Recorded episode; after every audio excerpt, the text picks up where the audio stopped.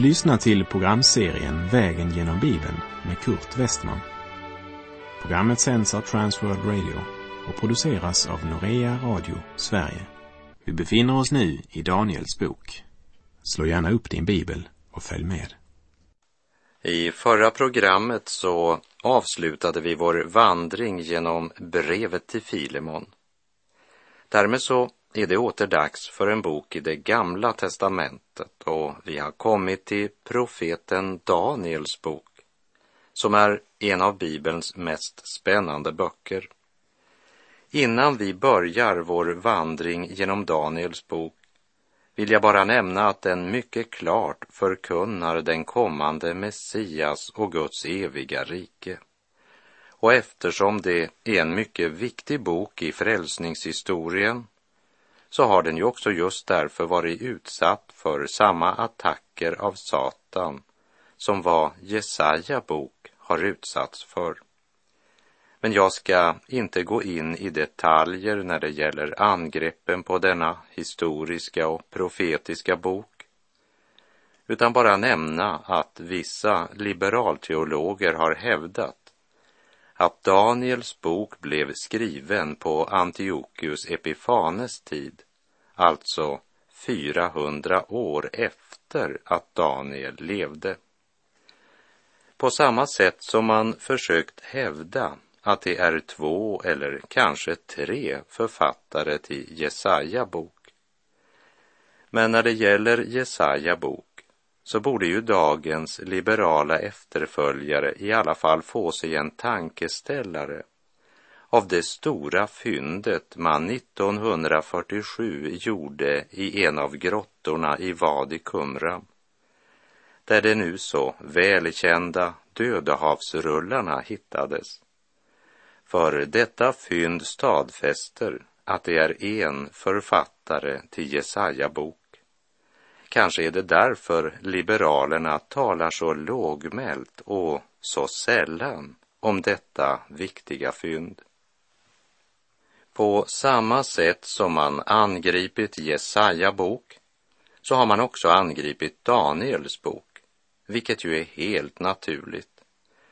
För om man ska förneka det övernaturliga, bortförklara undren och hitta en förklaring till att många av Daniels profetior så i detalj gått i uppfyllelse, så är tydligen det bästa de kan hitta på att försöka hävda att Daniels bok blev skriven efter att en stor del av dessa profetior blivit uppfyllda. Och därmed så menar man sig ha funnit en naturlig och god förklaring. Och dessa liberala teologers efterföljare idag verkar inte ha hört att det idag är stadfäst och väl känt att Septuaginta, det vill säga den grekiska versionen av Gamla testamentet, var översatt före Antiochus Epifanes tid. Jag tänker inte gå in i detaljer när det gäller olika liberalteologers kritik av Daniels bok i deras desperata försök att bortförklara att Daniel var en profet och en gudsman. Men jag vill bara säga att personligen tror jag på Jesus. Han inte bara talar sanning, han är sanningen. Och jag ber dig lägga märke till att Jesus i Matteus 24, verserna 15 och 16 kallar Daniel för en profet. Jag citerar.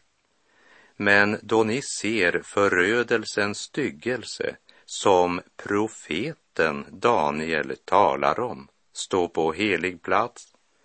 Den som läser detta bör noga lägga märke till det då måste det som är i Judeen fly bort till bergen. Jesus talar om Daniel som profeten Daniel.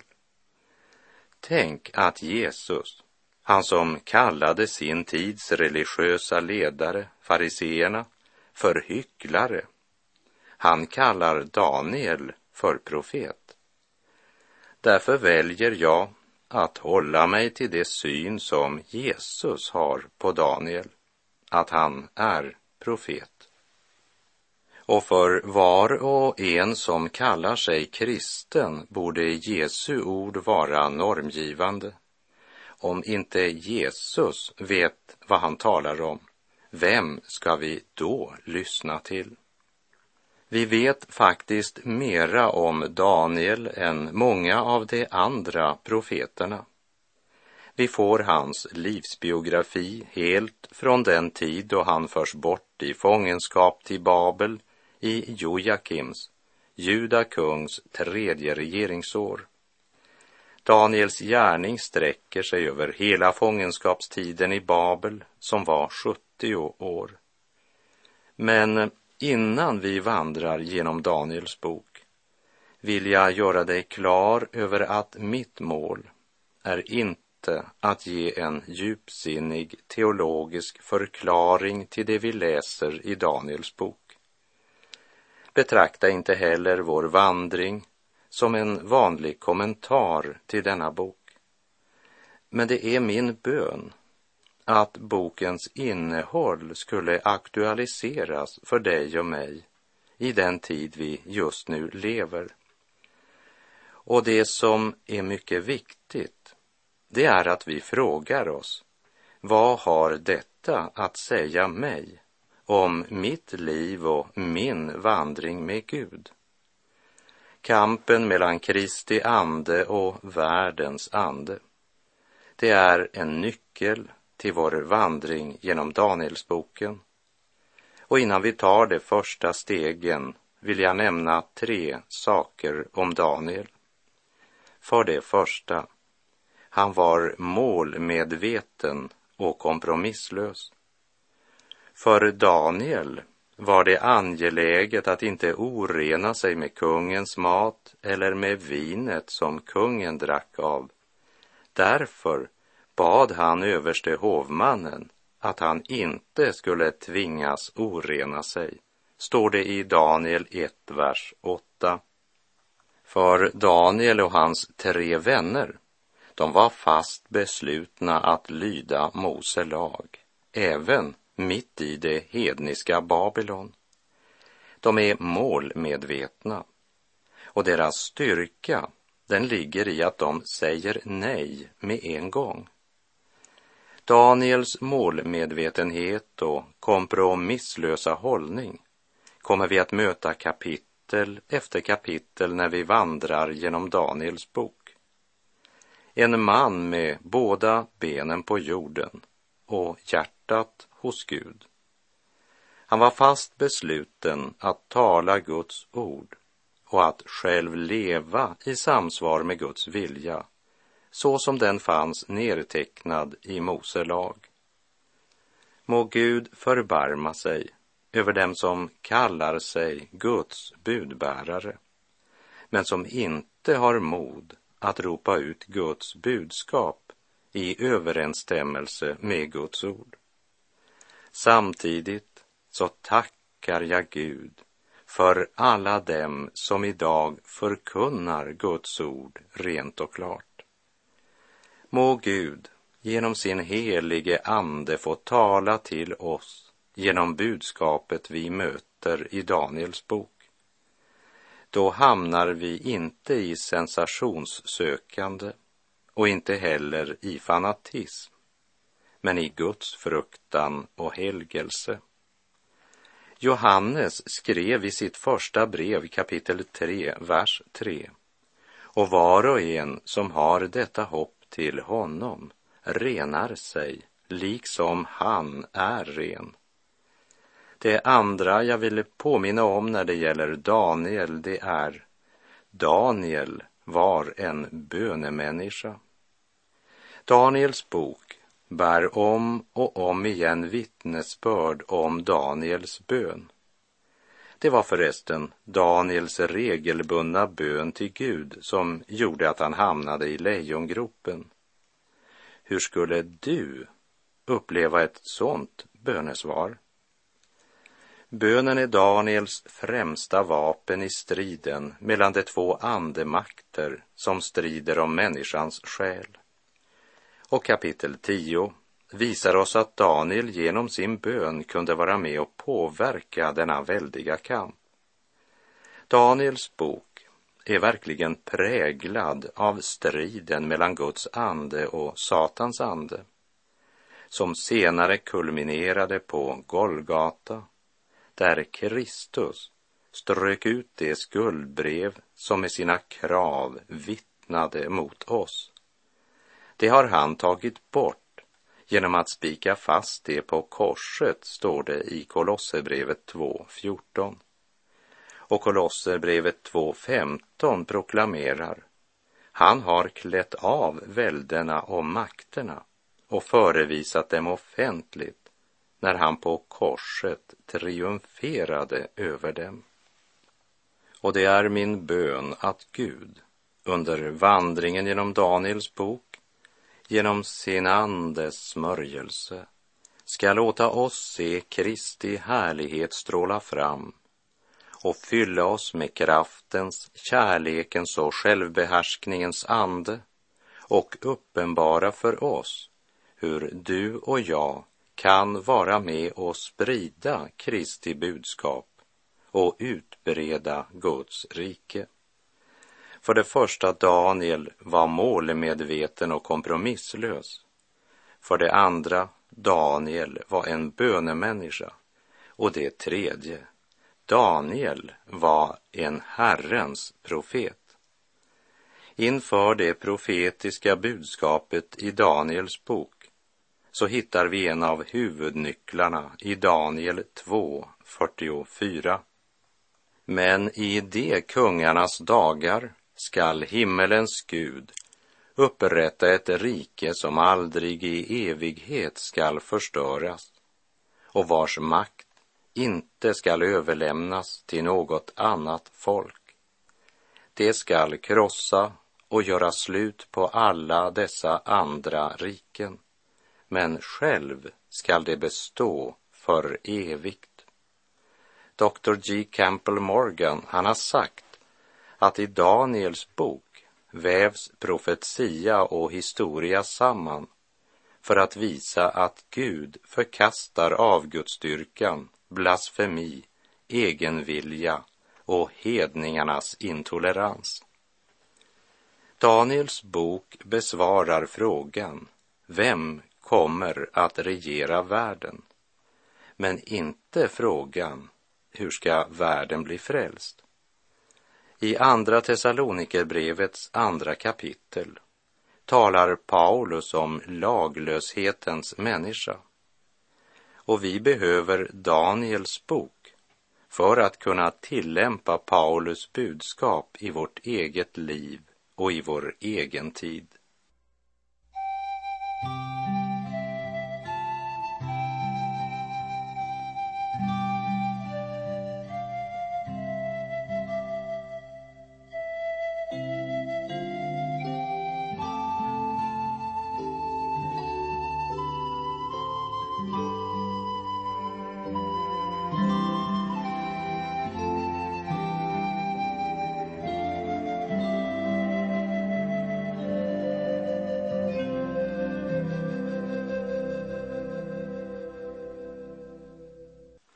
Temat i kapitel 1, det är det andliga förfallet i Juda och Jerusalem och templets fall.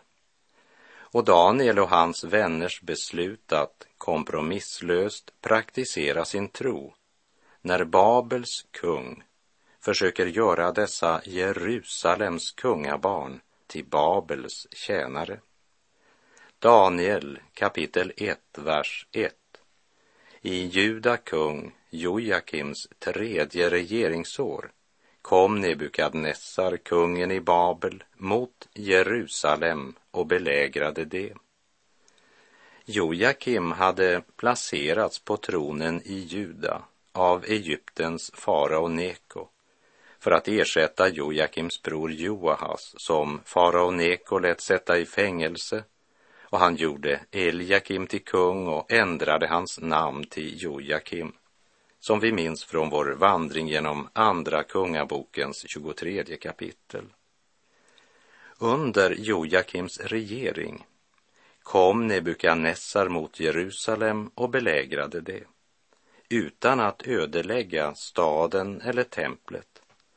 Men han utförde den första deportationen av judiska fångar till Babel. Bland dessa var Daniel och hans tre vänner samt tusentals andra från Juda. När Jojakim dog och hans son Jojakin blev kung efter honom och gjorde uppror mot Nebukadnessar, som då på nytt belägrade Jerusalem. Inte heller den här gången blev Jerusalem ödelagt, men kungen, hans mor och alla de heliga kärlen i Herrens hus fördes bort till Babylon tillsammans med en ännu större grupp av fångar.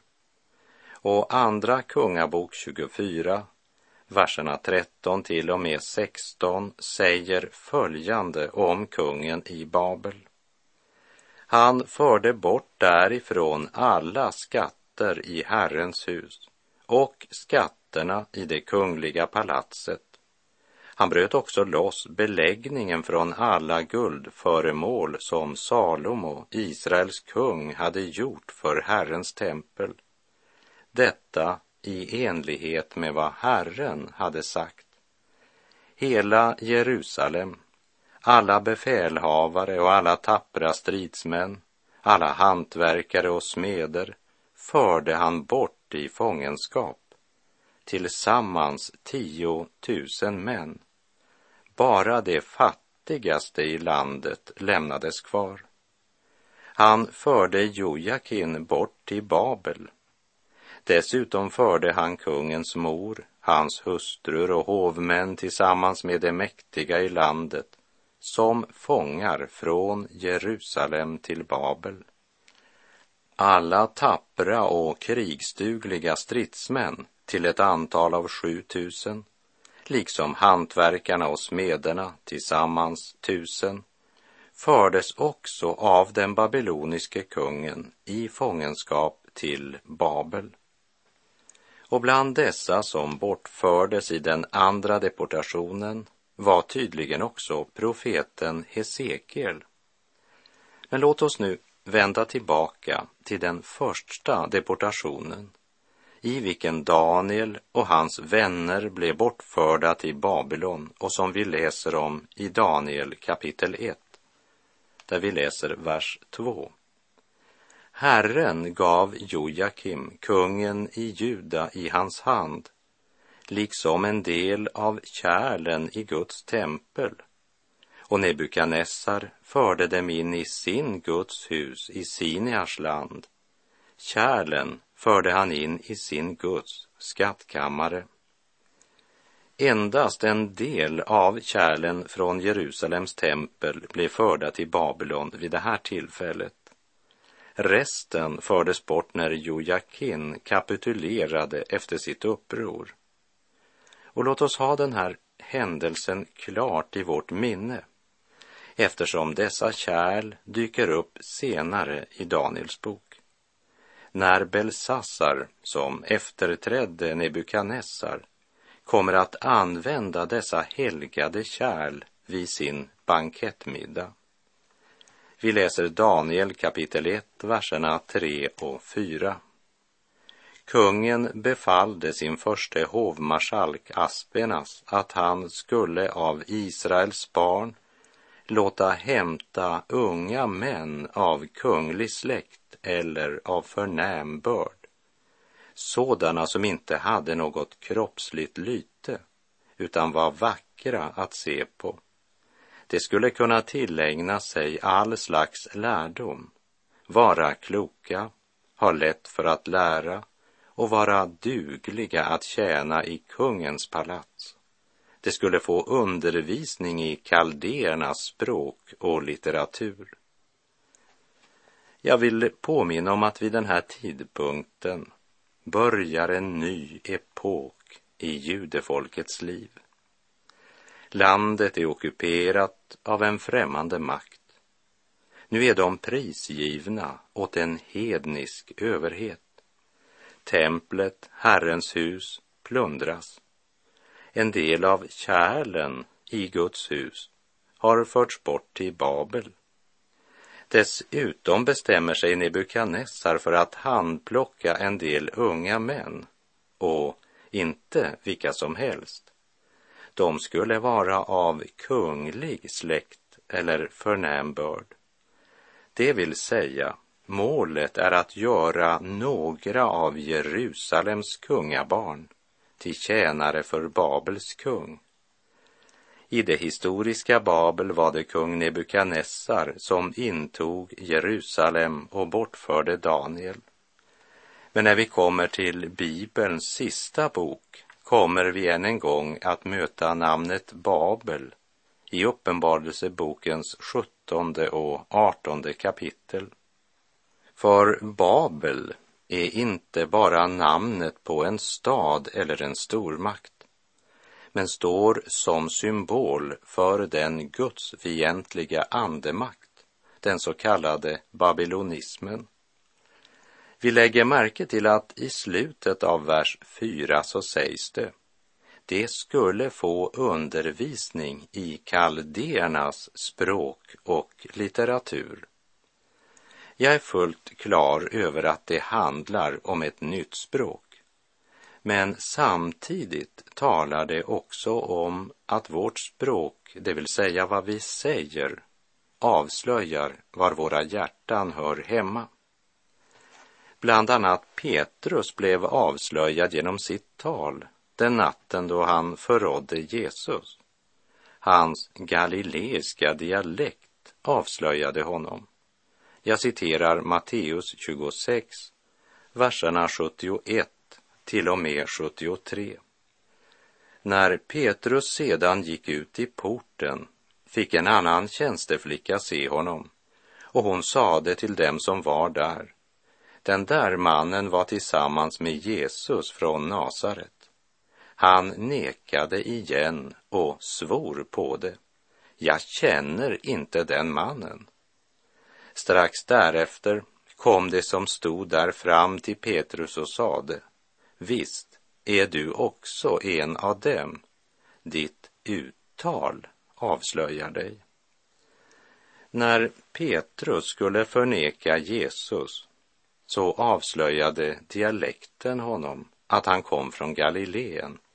Säkert är du en av dem. Du är också en Galilé, som det står i Markus 14.70. När Petrus och Johannes fördes inför Stora rådet så står det om dem i Apostlagärningarna 4.13. När de såg hur frimodiga Petrus och Johannes var och märkte att det var olärda män ur folket blev de förvånade. Men så kände de igen dem och kom ihåg att de hade varit tillsammans med Jesus. Som jag nämnde så talar Daniel 1.4 nog om själva språket det vill säga om det kaldeiska språket som man naturligt nog måste lära om man ska bo och göra tjänst i Babylon.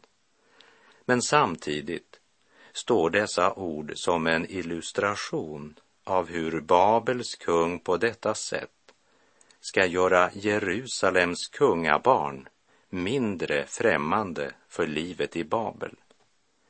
Så det handlar alltså om något långt mera än att bara bli tagna till fånga av en fientlig militärmakt. De kommer under inflytande av en gudsfientlig andemakt, babylonismen.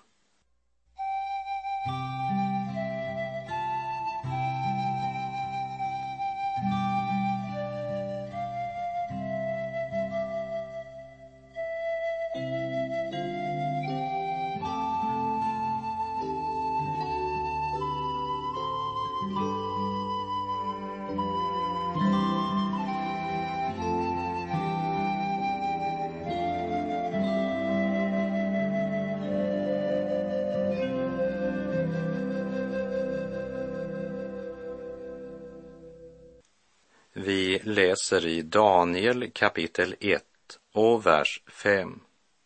Kungen bestämde åt dem en viss tilldelning för var dag av sin egen mat och av det vin som han själv drack. Han befallde att man skulle lära upp dem i tre år för att de därefter skulle tjänstgöra hos kungen. Lägg märke till det vi här läser. När Babels kung ska göra Jerusalems kungabarn till sina tjänare så använder han sig inte av en mörk fängelsehåla, inte av hot eller av tortyr. Istället så ska de formas av hovets lyxliv. De får erbjudande om kungens mat och samma vin som kungen drack, det vill säga välfärd. Välfärd, frosseri, njutningar och överflöd och goda villkor för köttet, ja, det har släckt mer än ett gudsliv. Det ska vara säkert. Så när Jerusalems kungabarn skall göras till Babels tjänare heter fiendens första steg välfärd. Och vi kan ju byta ut orden kaldéernas språk och litteratur mot sekularisering, tidsandan, anpassning och egoism. I nästa program så ska vi se på hur Daniel och hans vänner förhåller sig till chansen att själva både få det bättre, bekvämare och göra karriär i Babel. Men innan vi skiljs för den här gången så vill jag bara be dig meditera lite grann över att det första steget i fiendens plan på att göra Jerusalems kungabarn till Babels trälar. Det första steget, det är välfärd. För jag tror att denna sanning är högst aktuell att tänka över för de flesta av oss som lever i Norden. Och så ska vi komma ihåg att hemligheten till deras seger ligger i att kompromisslöst säga nej från början. När vägen som min Gud mig leder synes gåtfull, underlig och svår, när all min önskan mig bereder blott sviket hopp och mången tår, när tung och dyster dagen svinner och till mig kval och smärta för, om sanningen jag då mig minner att aldrig Gud ett misstag gör. Och med det så är vår tid ute för den här gången. Säg till Herren, döm mitt hjärta här i tiden innan världen döms av dig och när tiden är förliden i ditt domslut fria mig. Herren vare med dig, må hans välsignelse vila över dig. Gud är god.